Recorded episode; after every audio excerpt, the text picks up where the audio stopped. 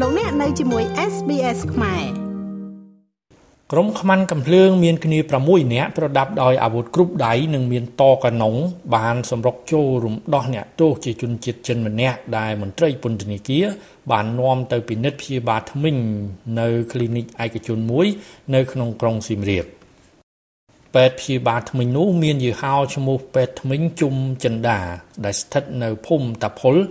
សង្កាត់ស្វាយដងគុំក្រុងសៀមរាបខេត្តសៀមរាបសមត្ថកិច្ចនគរបាលខេត្តសៀមរាបបានឲ្យដឹងថាក្រុមអក្រិតជន ដែលទៅរំដោះអ្នកទោសជនជាតិចិននោះមានគ្នា6នាក់បើកបររថយន្ត Lexus 330ពណ៌ប្រផេះពាក់ស្លាកលេខភ្នំពេញ 2AA 4315បានចូលទៅរំដោះវិរុទ្ធជនជនជាតិចិនម្នាក់ឈ្មោះចិនស៊ីហាន នៅកន្លែងពេទ្យថ្មិញយីហោពេទ្យថ្មិញជុំចិន្តា ពួកគេបានយករថយន្ត Lexus ម៉ាក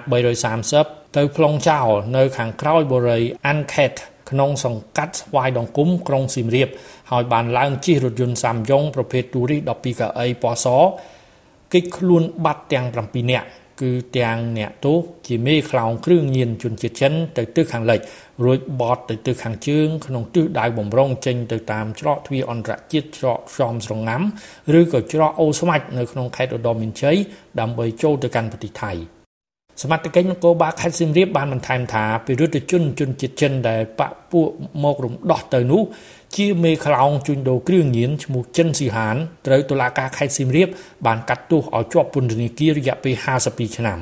មេខ្លោងជួញដូរគ្រឿងញៀនជនជាតិចិននោះត្រូវបានសមត្ថកិច្ចនគរបាលកម្ពុជាឃាត់ខ្លួនបាន កាលពីថ្ងៃទី11ខែសីហាឆ្នាំ2009 សមត្ថកិច្ចបានបញ្ជាក់ទៀតថាក្នុងពេលអនុវត្តទោសនៅក្នុងពន្ធនាគារអ្នកទោសរូបនេះ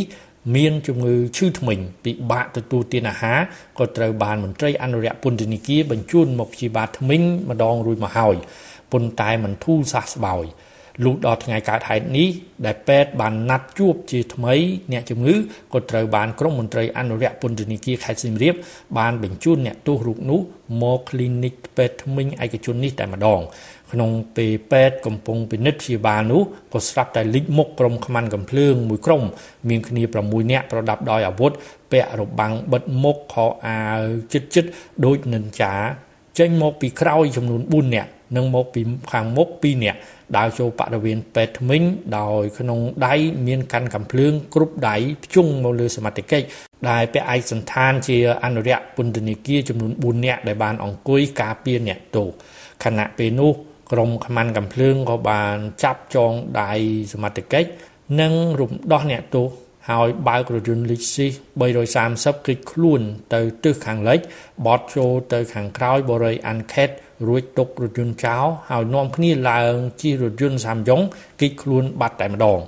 ប៉ុន្មានម៉ោងក្រោយមកលោកឧត្តមសេនីយ៍តូតេងច័ន្ទណាតស្នងការនគរបាលខេត្តសៀមរាបបានប្រាប់អ្នកកាសែតនៅរសៀលថ្ងៃទី17ខែសីហាថា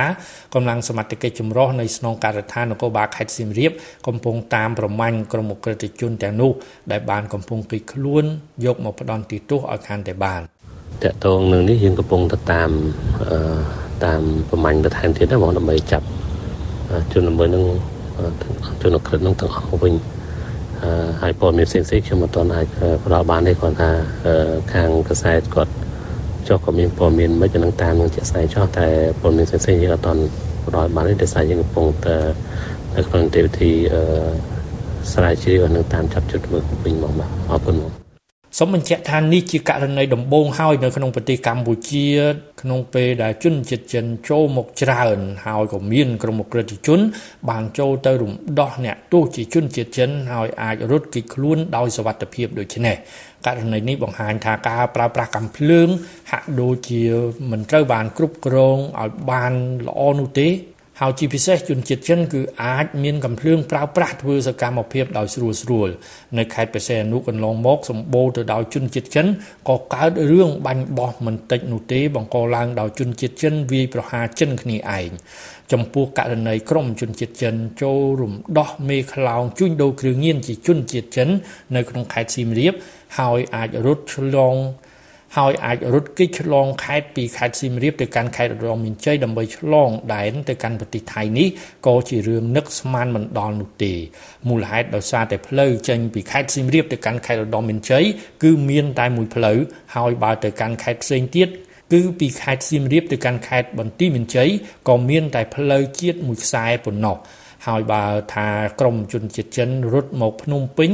ក៏មានតែផ្លូវមួយខ្សែដែរគឺផ្លូវជាតិលេខ6 កន្លងមកសមត្ថភាពរបស់អាជ្ញាធរសមត្ថកិច្ចកម្ពុជាក៏មិនអន់ប៉ុន្មាននោះឡើយពលគឺបើចង់ចាប់ជនល្មើសណាមួយគឺយូរឬឆាប់កងកម្លាំងសមត្ថកិច្ចកម្ពុជានឹងអាចតាមចាប់បានទោះបីជាជននោះរត់គេចទៅដល់ប្រទេសជិតខាងណាក៏ដោយខ្ញុំម៉េងផល្លា SBS ខ្មែររាយការណ៍ពីរាជធានីភ្នំពេញចង់ស្ដាប់រឿងក្រៅបែបនេះបន្ថែមទៀតទេ ស្ដាប់នៅលើ Apple Podcast Google Podcast Spotify ឬកម្មវិធីដទៃទៀតដែលលោកអ្នកមាន។